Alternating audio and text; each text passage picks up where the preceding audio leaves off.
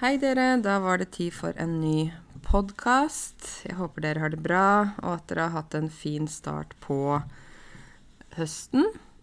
Eh, det er jo ofte sånn at høsten er ganske travel, eh, og jeg liker det. Jeg liker å være travel og ha mye å gjøre.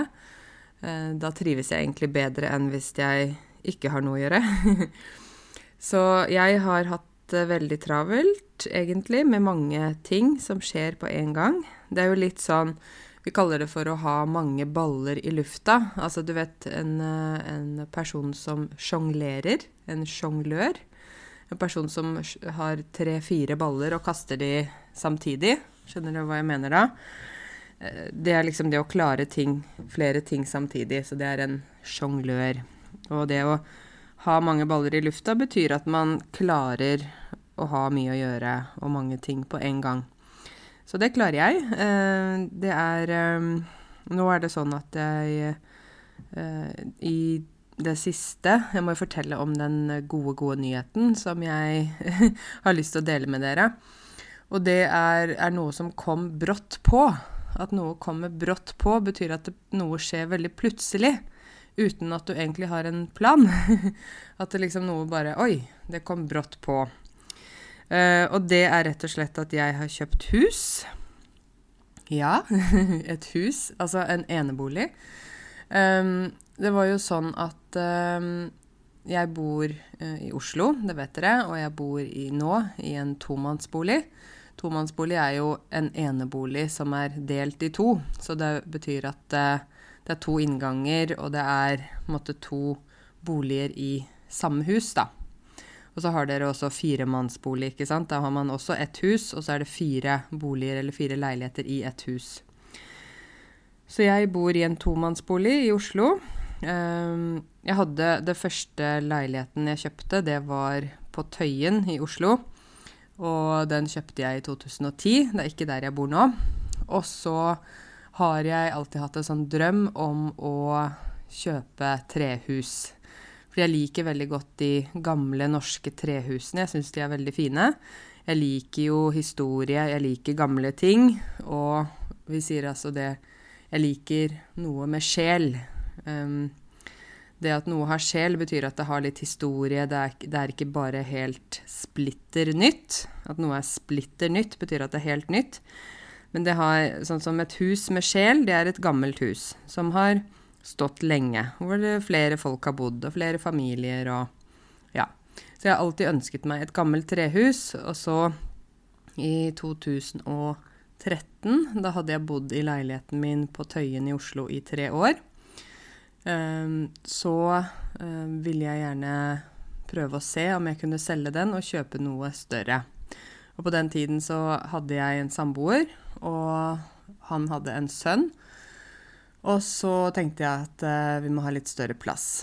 Så da eh, fikk jeg kjøpe en, denne tomannsboligen eh, utenfor Oslo, altså i Groruddalen. Noen av dere kjenner Grorud, Groruddalen. Og da jobbet jeg på Nav Grorud i den perioden der, så da var det jo veldig praktisk å bo i Groruddalen også, for da hadde jeg kort vei til jobb. Og så var det mer plass og sånne ting. Så eh, jeg solgte leiligheten på Tøyen etter bare tre år. Men det er jo sånn at boligmarkedet i Norge er veldig eh, Ja, det er veldig mye som skjer. Det er veldig mange som selger og kjøper. Det er big business i Norge, dette med, med bolig og boligsalg og sånn. I andre land så er det ikke sånn. Her i Norge så vi lager jo prospekter. Du vet, prospekt er den før så var det sånn at de printet prospektet og lagde en slags bok. Nå tror jeg de bare sender det elektronisk. Nå er det ikke sånne bøker lenger. Men jeg husker jo eh, da jeg solgte leiligheten min på Tøyen, så tenkte jeg wow, de lager jo en bok om min leilighet, ikke sant? Med bilder og alle papirer, all dokumentasjon og alt sånt. Så jeg solgte leiligheten min, og jeg solgte med gevinst. Å selge med gevinst betyr at du får mer enn du hadde planlagt for den. Eller at du i hvert fall ikke taper penger. Uh, og jeg kjøpte den jo uh, for mindre enn det jeg solgte for, ikke sant. Så uansett så hadde den steget i verdi. Det er sånn uttrykk at noe stiger i verdi. Da går prisen opp bare fordi tiden går. Sånn er det ikke med biler, f.eks. De synker i verdi, mens uh, bolig oftest stiger i verdi. Ikke sant? Hvis du kjøpte et hus for ti år siden, så er det eh, ja, 99,9% sikkert at det huset har steget i verdi og er verdt mer nå, hvis du prøver å selge det. Ikke sant? Så leiligheten min på Tøyen hadde steget i verdi, og jeg fikk kjøpt da denne tomannsboligen, så her har jeg bodd i syv år. Eh, jeg syns det er fantastisk å bo her i Groruddalen, fordi det er på østsiden av Oslo. Og det er veldig mye natur her, det er veldig grønt her, veldig fint å ha hund her. Og så syns jeg menneskene her er veldig avslappa og hyggelige. Det bor jo veldig mange forskjellige typer mennesker her. Og det er mange innvandrere i Groruddalen. Og det er sånn at Groruddalen har jo hatt et det jeg mener er et ufortjent rykte. Eh, du vet, et rykte, det er når folk snakker bla, bla, bla, bla. 'Å, vet du, har du hørt det?' Og hun sa det, og, og så går ryktene. Eh, Groruddalen har hatt et sånn negativt eh, rykte fordi eh, Ikke fordi det nødvendigvis er dårlig å bo her, men fordi et, Jeg tror jeg snakket om det i en tidligere podkast, men jeg kan jo si det igjen. Etter andre verdenskrig så var det sånn babyboom i Norge, ikke sant? Familier fikk veldig mange barn. Og vi måtte bygge boliger fort. Og da ble det bygget veldig mange blokker, og høyblokker. Um, og ting skjedde veldig fort. Det kom veldig brått på. Ikke sant? Men det de glemte, var jo det å på en måte Samtidig som de bygget disse høyblokkene, så glemte de å bygge noe tilbud til folk. Ikke sant? Butikker, lekeplasser og sånn. Så da Groruddalen ble utvidet med disse høyblokkene, så var det mange mennesker mange høyblokker og ikke noe å gjøre. Og da begynte jo ungdommer kanskje å eh, gjøre hærverk. Å gjøre hærverk betyr at man ødelegger noe bare fordi man ikke har noe å gjøre, eller fordi man bare ja, oppfører seg dårlig. F.eks. Eh, ødelegge jeg vet ikke eh, vinduer, ødelegge lekeplasser tagge, altså spray, spraye, spraymaling. Ja, ødelegge ting. Uh, så her i Groruddalen var det på en måte da Først var det veldig moderne og veldig sånn wow, wow, man bor i leilighet, og det var veldig flott. Og så ble det jo mer sosiale problemer her. Og så var det langt unna byen, på en måte. Det var jo T-bane, men det var, tok jo lang tid å komme seg hit. Til, ikke sant, Groruddalen er da Grorud, Stovner, Um, ja uh, Veitvet og Ammerud. Og så har vi Furuset og ja, litt forskjellige steder. Sånn at det ble sosiale problemer, og da, da fikk Groruddalen et dårlig rykte. Og det var kanskje riktig på den tiden her, hvor det var mye sosiale problemer. Sånn at når jeg sier til folk som ikke bor i Oslo, at jeg bor i Groruddalen, så sier de Oi, oi, bor du der? Fordi de har alltid hørt om Grorud, liksom at å, dette er et sånn gettosted. Her er det veldig eh, farlig å bo, og det er masse kriminalitet og sånne ting. og jeg syns det er morsomt, fordi jeg har aldri opplevd det. Jeg har hatt det kjempebra når jeg har bodd her, og jeg føler at jeg bor på landet selv om jeg bor i Oslo. Og så jeg føler at jeg liksom jeg har veldig mye natur her, og tilgang på både skog og innsjøer, og det er masse plass. Så jeg syns det er fantastisk. Og så trives jo jeg bedre å bo der det bor forskjellige mennesker. Jeg har ikke lyst til å bo på et sted der det f.eks. bare er etniske nordmenn. For jeg syns det er veldig flott med det mangfoldet, da. Mangfold betyr at man har variasjon uh, av noe. F.eks. variasjon av mennesker fra forskjellige land, ikke sant. Så, og, og så syns jeg jo det at innvandrere, dere kanskje som hører på meg, er jo mer sosiale. Og det er lettere for dere å si hei til folk. ikke sant? Når jeg går ute her med Bahia, så kommer det noen forbi meg, så sier vi hei til hverandre. sånn var det ikke da jeg bodde på vestkanten av Oslo. Da var det sånn at ingen hilste på hverandre. Det er min opplevelse, da. Så jeg trives supergodt her, og jeg ville fortsette å bo her. Um, og så, som sagt, så har jeg jo drømt om gammelt trehus, for jeg syns det er så fint. Det har sjel, det er sjarmerende, det er koselig. Um, det er ja, Jeg syns det er kjempevakkert. og jeg er opptatt av estetikk. Jeg liker interiør. Mammaen min er jo interiørdesigner, så hun har vel inspirert meg mye der med det med å bry seg om hvordan det ser ut der man bor. Og jeg tenker for meg så er det sånn hvis det er vakkert der jeg jobber, eller hvis det er vakkert der jeg bor, så har jeg det bedre. Hvis det er rotete uh, og ikke noe stilig og bare sånn ja, uh, ikke noe fint, så trives jeg ikke så godt. Så for meg så er det viktig. Det er viktig for min trivsel og viktig for min velvære. Velvære det bruker jo ofte i forbindelse med spa og massasje, hudpleie, sånne ting. Og velvære betyr å føle seg bra. Så det er bra å bo i gammelt trehus for min velvære. Og andre ting. Og så, ja, så har jeg bodd her i syv år. Først så bodde jeg med han jeg var sammen med, og så ble det slutt. Så flyttet han ut, og da bodde jeg jo her i veldig stort hus alene. For det er jo over 100 kvadrat, og det er jo mye for én person. Um, og så uh, var det jo sånn at jeg uh, Jeg har jo venner som kommer her på besøk, og familien min, og litt sånn. Uh, og så har jeg liksom tenkt at åh, jeg skulle ønske jeg hadde et sted der jeg hadde flere soverom, eller sånn jeg har gjester på besøk. Når lærerne mine kommer til Oslo, så kan vi ha samlinger hjemme hos meg. De kan sove over istedenfor å bo på hotell. Altså det er en del ting, da. Um, og så var det sånn at uh, jeg kom over dette gamle trehuset som jeg nå har kjøpt, fordi jeg så på leiligheter til en venninne som er separert. Så hun uh, De hadde solgt sin bolig, hun og eksmannen. De er nå separert. Så i Norge så er det sånn at du Hvis du er gift og du skal skille deg, så må du være separert i et år. Eh, det betyr jo det betyr ofte at du bor hver, hver, for seg, at man ikke bor sammen. Men man er ikke offisielt skilt før det har gått et år. Da kan man få innvilget, det betyr godkjent, man kan få innvilget skilsmisse, og så er man da skilt. Så min venninne er separert. De har solgt sin, sitt rekkehus, også her i Groruddalen. Uh, og så skulle jeg hjelpe henne med å lete etter ny leilighet som hun kunne kjøpe seg. Og jeg satte på automatisk Finn-søk, ikke sant, sånn finn.no, med liksom en sånn type leilighet hun ønsket seg. Uh, og så sitter jeg og ser på leiligheter rundt her i området, her jeg bor, fordi hun ville gjerne bo i nabolaget, vi er nesten naboer.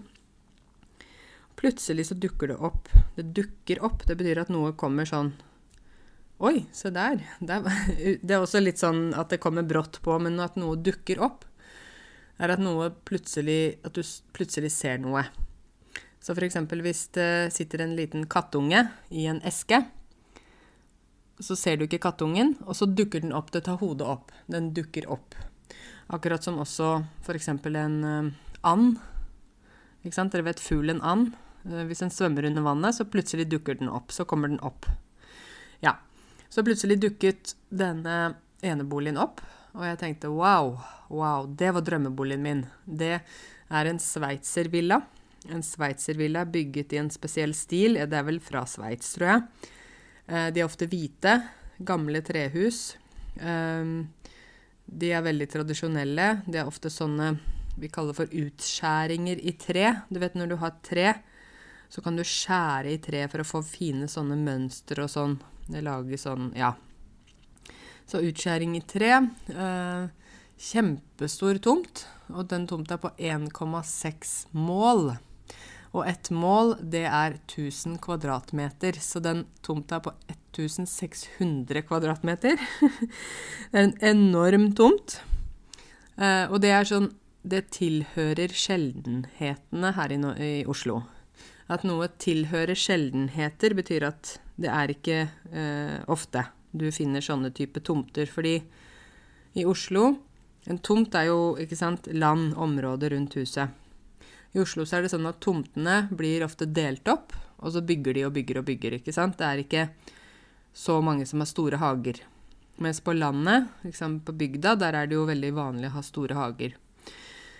Men grunnen til at den tomten er så stor, er fordi huset er freda. Og at et hus er freda, fredet, det betyr at det er såpass gammelt at Riksantikvaren Riksantikvaren er Det er ikke én mann, men det er jo et, eh, hva skal jeg si, en avdeling i kommunen som har å gjøre med historiske bygninger. Riksantikvaren har sagt at dette huset er fredet. Det skal ikke endres. Man skal ikke bygge noe på tomta. Det skal være som det er. Og det er jo for at man skal beholde noe av historien som finnes, at det er viktig at vi ikke bare bygger blokker og nye hus hele tiden, men at noe av det gamle skal bevares. At noe skal bevares, betyr at man passer på det veldig godt. Så det betyr at jeg kan ikke bare bygge en blokk i den store hagen. Den store hagen må være som den er. Um, og så uh, kan man ikke endre huset utenpå. Jeg kan ikke f.eks. ta bort et vindu eller lage en annen type veranda, eller uh, sette inn en dør i veggen. Det går ikke. Men jeg kan endre inni huset. Det er greit. Jeg kan liksom lage soverom, ta ned vegger, sette opp vegger, pusse opp bad. Sånne ting er greit. Men utenpå, altså fasaden på huset, kan jeg ikke endre. Og det må stå som det står. Uh, så det er jo utrolig hyggelig, egentlig, at uh, jeg har fått kjøpt det huset. Det er også Det er bare en kilometer unna der jeg bor nå. Uh, og det betyr at jeg må selge tomannsboligen jeg bor i nå. Jeg hadde så lyst til å beholde den, fordi jeg har, dere vet, jeg har jo pusset opp bad her i vinter. Jeg har pusset opp og gjort så mye her, og den, jeg syns den er veldig fin. Og jeg er veldig glad i denne tomannsboligen. Men man kan ikke ha rumpa si på to stoler samtidig. Skjønner du hva jeg mener?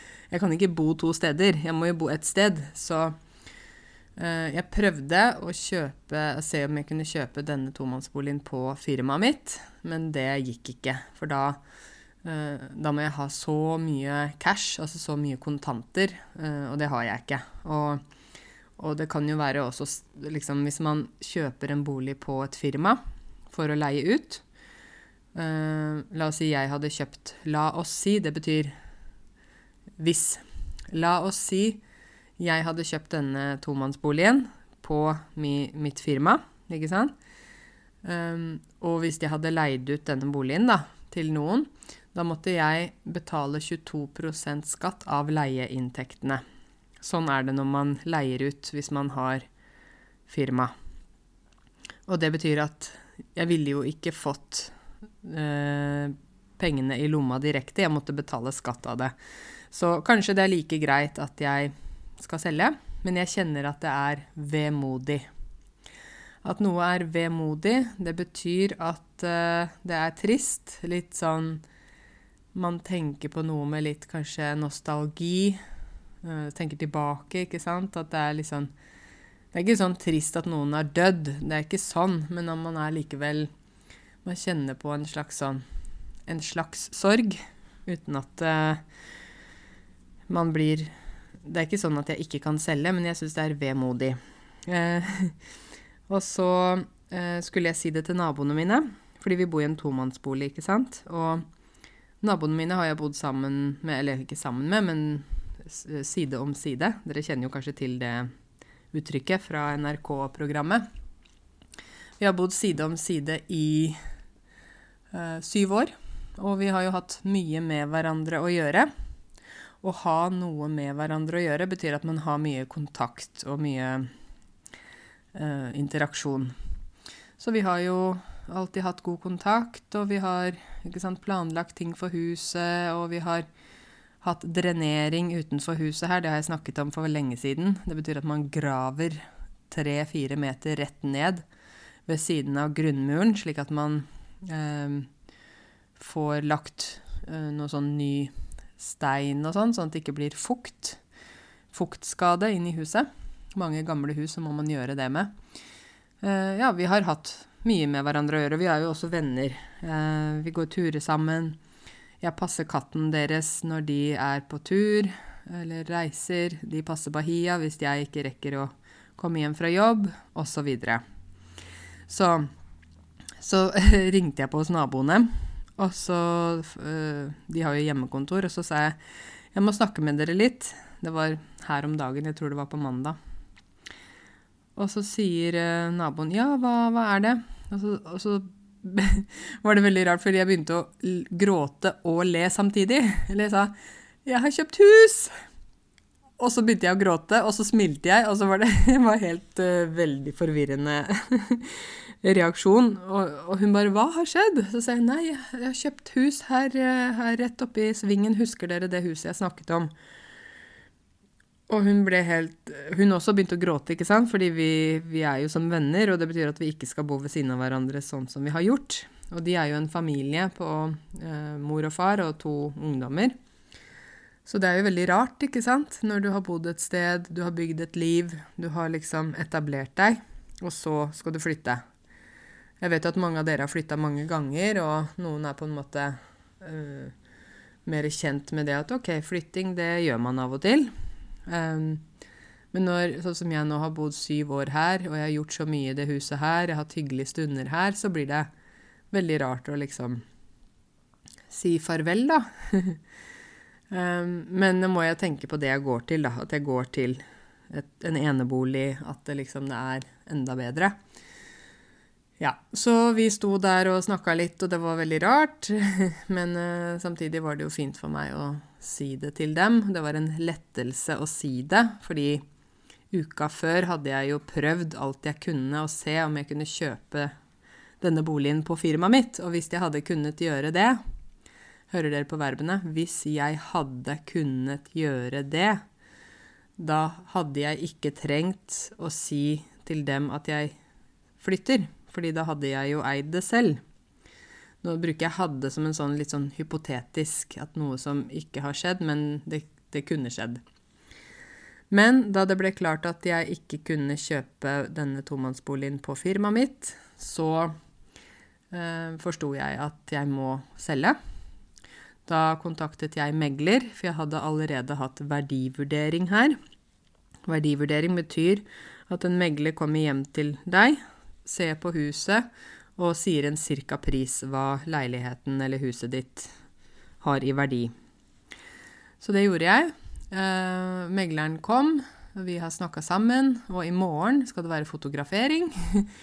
og da kommer i kveld eh, så kommer min mamma og min tante for å hjelpe meg litt. Og mamma eh, er jo interiørdesigner, så hun skal hjelpe meg med å liksom se hva jeg må fjerne, og hva som må bort, og sånne ting. Og jeg tenker jo at eh, det er fint at noen andre kommer inn og ser ting. Noen andre som har et annet blikk. Det å ha et blikk for noe betyr at man er flink, god til å se noe. For eksempel, jeg har et blikk for gamle ting, så jeg ser gamle ting lett og ser hva som er fint.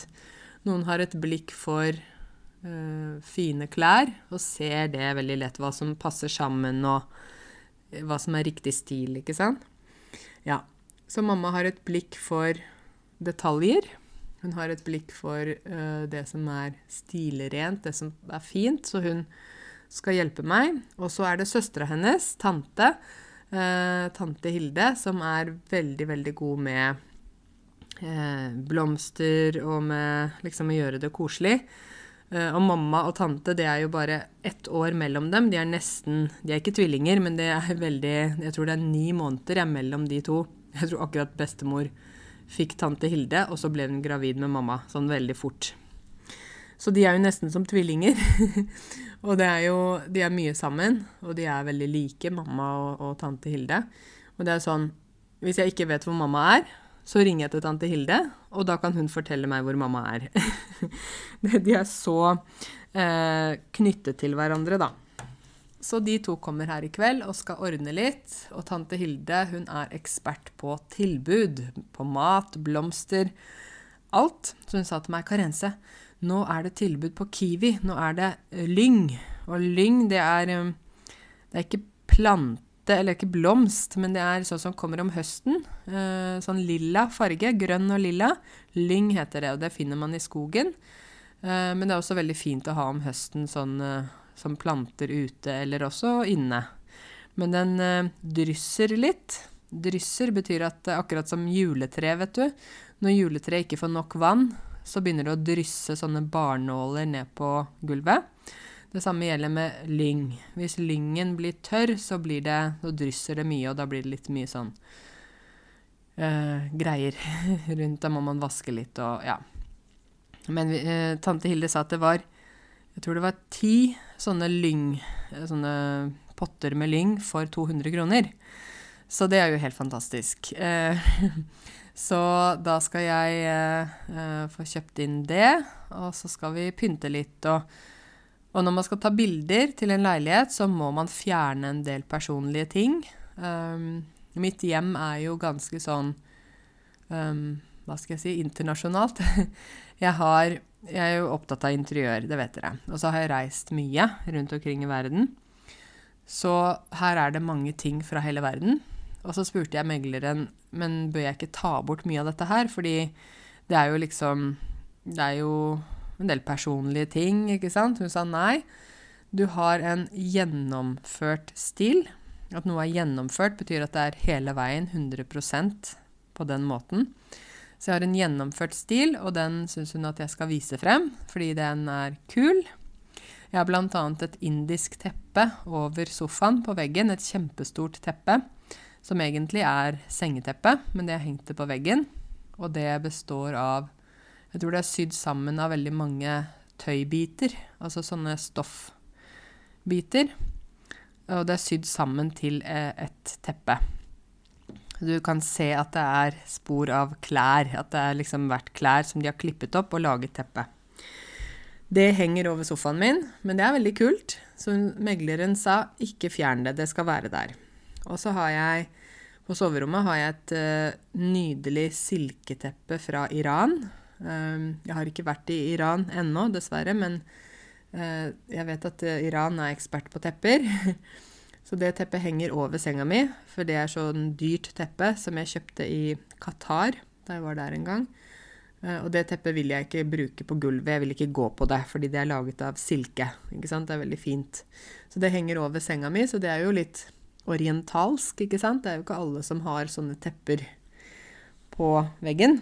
Eh, og en del nordmenn har jo ganske sånn enkel stil, som jeg tenker også er litt anonym.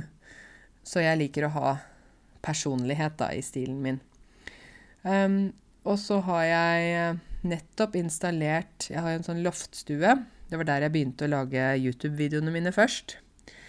Og der har det vært åpen. Det har vært sånn åpent liksom med bare et sånn rekkverk, så du kunne liksom se rett ned i stua. Men der er jeg lukket nå med glassvegger. Jeg har eh, faktisk bestilt de glassveggene før jeg visste at, eh, at det ble huskjøp. Så um, jeg har lukket den nå med glassvegger, og så uh, har jeg Det har liksom blitt et rom der oppe, så det har blitt veldig fint. Og så har jeg, jeg har også Kanskje det er noen fra Pakistan som hører på meg også. Jeg har også et kjempefint teppe fra Pakistan. Eh, men det har jeg på gulvet, da. Men det er også kjempefint. Jeg har heller ikke vært i Pakistan, men jeg bestilte det teppet, da. Det var sånn tradisjonell pakistansk teppe. Blått. Med fine farger i. Så jeg har litt ting fra hele verden, og rundt omkring har jeg sånne tyrkiske lamper som jeg elsker. Ehm, det er sånne lamper med mosaikk, og som henger i en slags Ah, hva skal jeg si, Hvis du har vært i Tyrkia, så vet du hva jeg mener. Sånne lamper som er laget av mosaikk, glassbiter og sånn. Um, forskjellige typer. Mine er hvite. Hvite sånne kupler. Og den ene lampa har 22 kupler. Altså 22 sånne uh, lamper i én lampe. Det ser nesten ut som en drueklase. Skjønner du? Som en trekant. Og den lampa kjøpte jeg i Tyrkia for en del år siden. Og det var ganske komplisert å få den med hjem til Norge. Eh, faktisk så komplisert som at de ville at jeg skulle betale mye ekstra for den, for den var jo tung, ikke sant. Og så tenkte jeg jeg vil ikke betale mange tusen ekstra for den lampa, så jeg Da var jeg litt uh, Ja. Jeg, jeg, jeg, er jo uh, ganske god skuespiller, så jeg begynte å gråte på flyplassen. det er litt flaut å fortelle dette her, men jeg tenkte å herregud, jeg vil ikke betale liksom 5000 ekstra for å ta med den lampa til Norge. Den var jo allerede ganske dyr. Så jeg begynte å gråte og sa 'jeg har giftet meg', 'Å, jeg vil ikke Jeg kan ikke betale ekstra for bryllupsgave'. og så begynte jeg å gråte. Jeg klarte å få frem tårer. Vi kaller det for krokodilletårer, fordi det er ikke ekte tårer.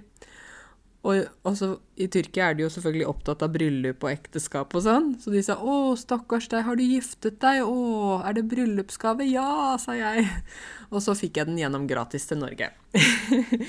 så jeg Ja. Jeg har jo vært ute Vi sier jeg har vært ute en vinternatt før. Jeg har også vært ute en sommernatt før. Fordi at jeg har erfaring da, ikke sant, med å reise og sånn. Så jeg, av og til må jeg ta noen snarveier. En snarvei betyr å ikke gå på den vanlige veien, men å gå opp en liten sti, så du kommer fortere fram. Så der tok jeg en snarvei og også en hvit løgn. En hvit løgn er en løgn som ikke er så alvorlig, kanskje. Ehm, men du, av og til så lyver vi mennesker fordi vi skal oppnå noe, og det gjorde jeg der og da. Så den tyrkiske lampa, den skal jeg selvfølgelig ta med meg videre. Den er det ingen som får, for den har jeg jobbet for. Og så har jeg forskjellige afrikanske statuer rundt her, og jeg har, ja, jeg har ting fra hele verden. Dere vet jeg elsker å reise. så i morgen blir det fot fotografering her. Eh, og så blir leiligheten lagt ut til helga. Helga, dere vet jeg ikke sier helg. Jeg liker å si helga, det er dialekta mi. Helga, helgen. Helga. Den blir lagt ut. Og det, det sier vi, den blir lagt ut. Det betyr at den, blir, den kommer på Finn finn.no. Så leiligheten blir lagt ut til helga. Det betyr at leiligheten kommer på finn.no til helga. Eh, jeg tror jeg kommer til å dele den og be alle jeg kjenner, dele så mye som mulig. Eh, og så håper jeg virkelig at det, jeg til unnskyld, det at jeg kommer til å dele den, betyr at jeg kommer til å dele annonsen på Facebook og sånn. Kanskje jeg til og med deler den på Facebook-gruppa mi. Vi får se. Um, jeg vil så veldig gjerne at det er noen som også forstår seg på gamle trehus, som forstår verdien av et hjem med sjel, eh, som kan ta vare på dette hjemmet på samme måte som jeg har gjort. Da tenker jeg at da får jeg sove godt om natta. Eh, så jeg håper det er at kjøperen av leiligheten blir en sånn person. Og så er det jo um, Ja, jeg er veldig spent på hva jeg får for den. Hva jeg får for den, betyr hva, hva er det leiligheten selges for. Det er jo spennende. Det er spennende å se om det blir en um, budrunde. Budrunde betyr at det er flere som ønsker å ha leiligheten, og som byr. De legger inn et bud. Nå var det mange ord her. Å legge inn et bud betyr at man liksom kommer med en pris man ønsker å kjøpe boligen for.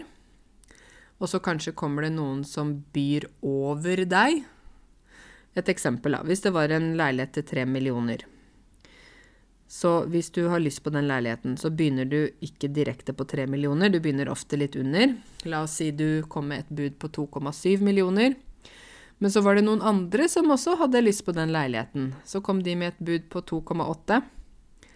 Og så blir det sånn eh, budrunde, kaller vi det. At man går frem og tilbake med bud. Eh, kanskje det er flere som byr i begynnelsen. Og by er verbet. Og by, byr, bø, har bydd.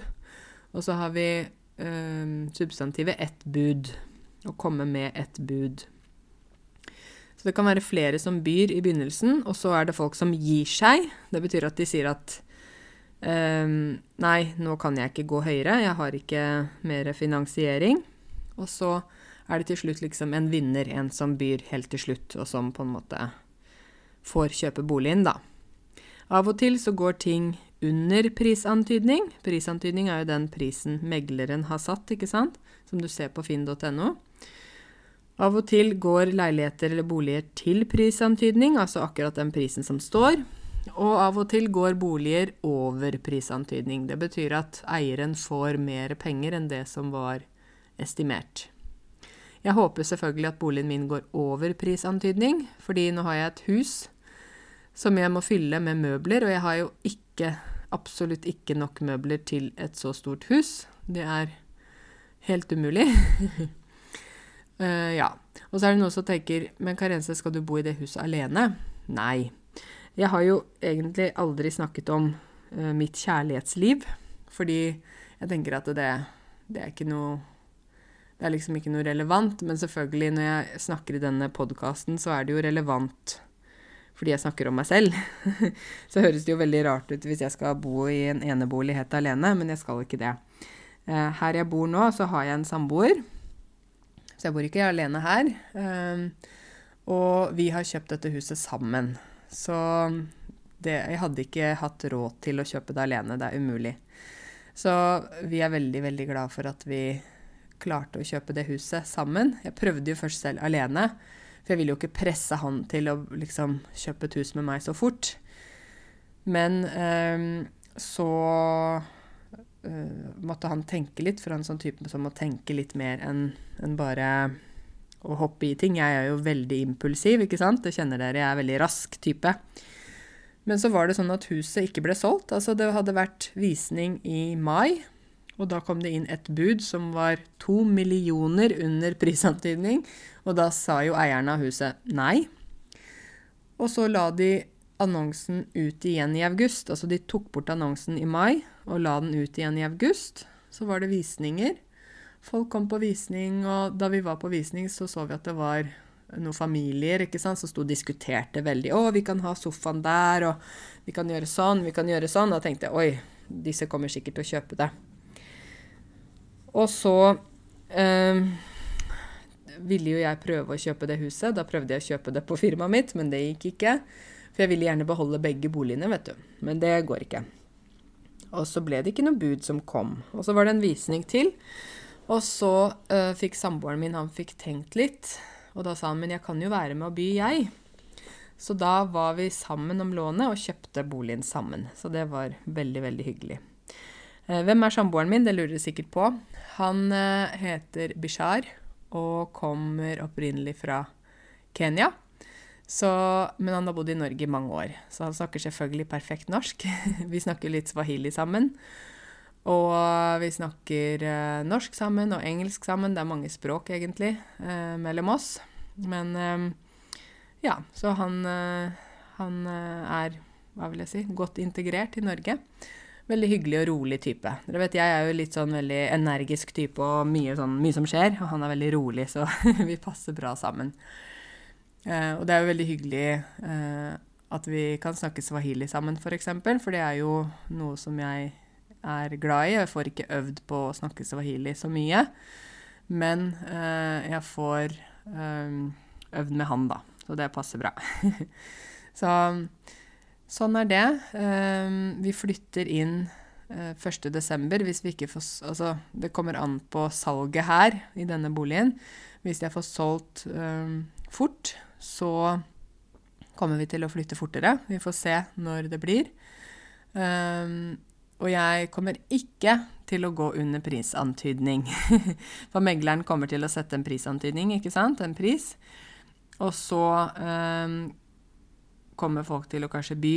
Ofte byr de jo under prisantydning, men jeg kommer ikke til å akseptere noe under. Fordi jeg er så glad i denne boligen, og jeg syns den er så fin at jeg syns den fortjener at det blir en god pris. Ikke sånn billigsalg.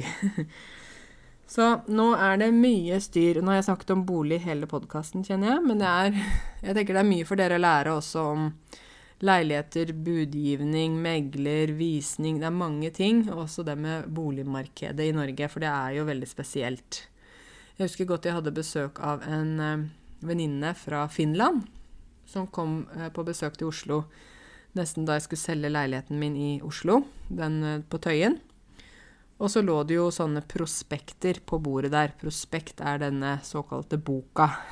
som boka om huset ditt, der det er bilder og sånn. Og så sa hun eh, Unnskyld meg, men lager dere bok om huset deres? Og så sa jeg ja, det er sånn det er her i Norge. Så sa hun OK, i Finland så har vi bare, bare ett ark med bare ett bilde, og så liksom pris og litt sånn. Så nei, nei, nei, her er det big business. Her er det salg og kjøp av bolig og mye uh, forskjellig. Så her er det veldig mye som skjer, og det er uh, Ja, hva skal jeg si?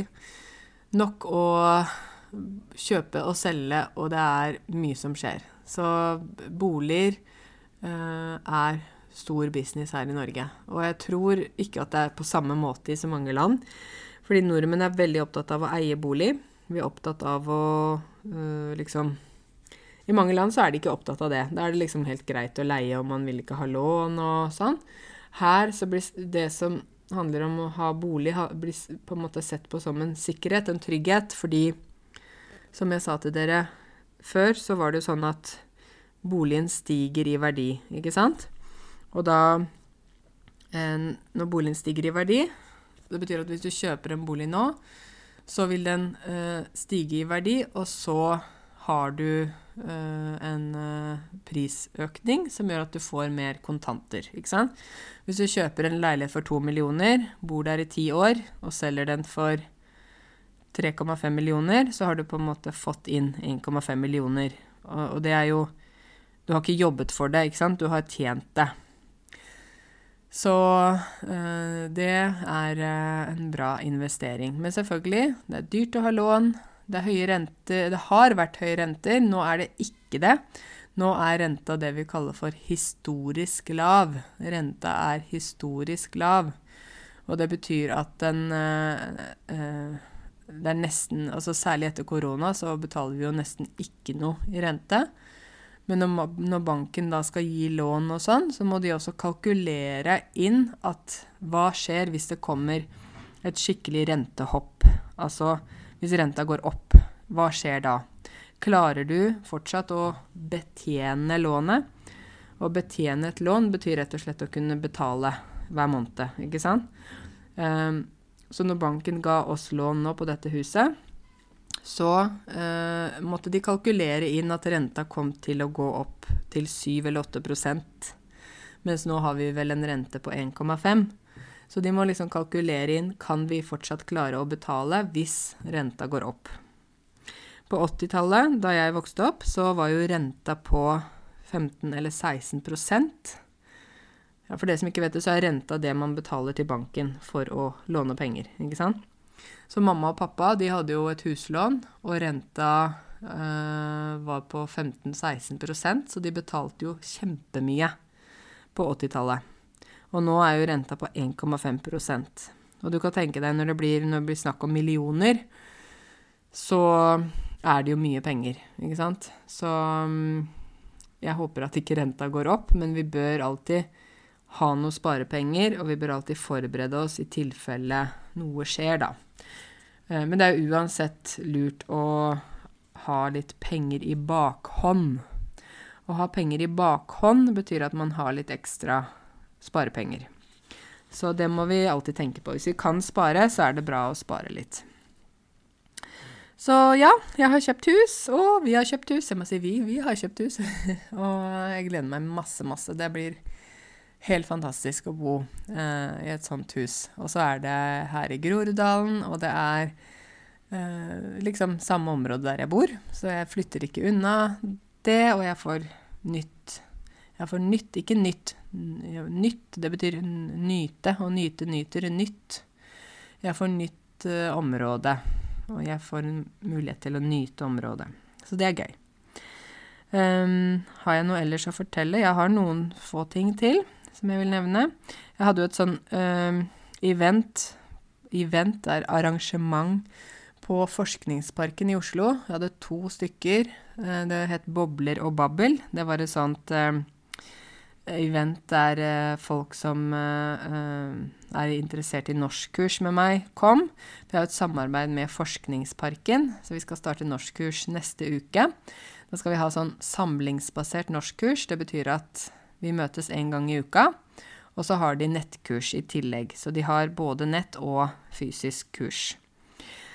Så da hadde vi sånn bobler og babbel. Eh, bobler er jo da kommet fra Vi hadde både champagne og alkoholfri, altså sånn brus. Og babbel betyr rett og slett å snakke mye. så da kom det um, mange som var med på det. Det var et sånn gratis arrangement. Så fikk jeg født, uh, fått møtt noen av de som uh, følger meg, og det er alltid veldig hyggelig å se folk.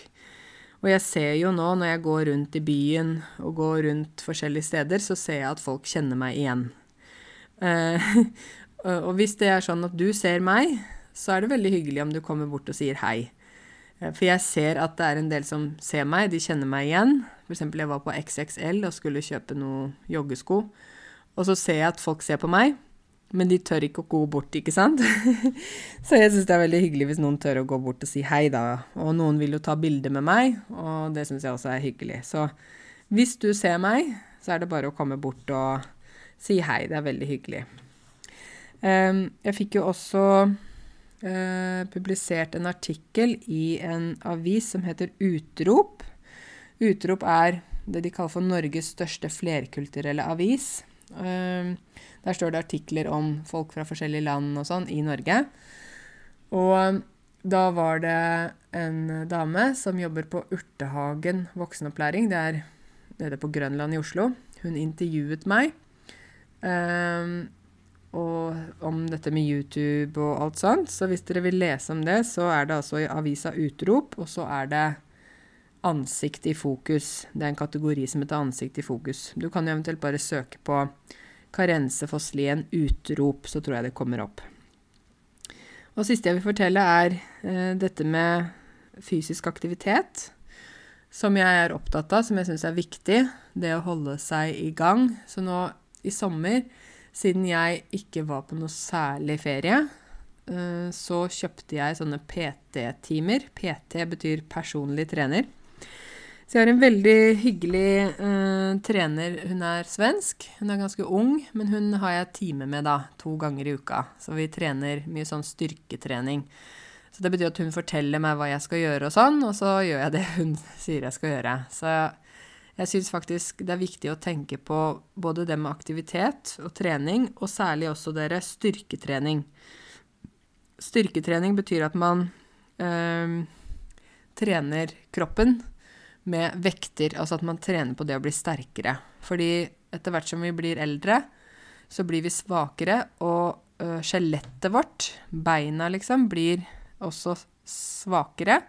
Og da er det viktig at man har god muskulatur som støtter opp, og at vi er uh, sterkere og mer Da bygger vi kroppen, ikke sant? Så styrketrening er viktig. Så jeg har time med Felicia, heter hun. Felicia på fredag. Gleder meg. Det er ganske slitsomt, da.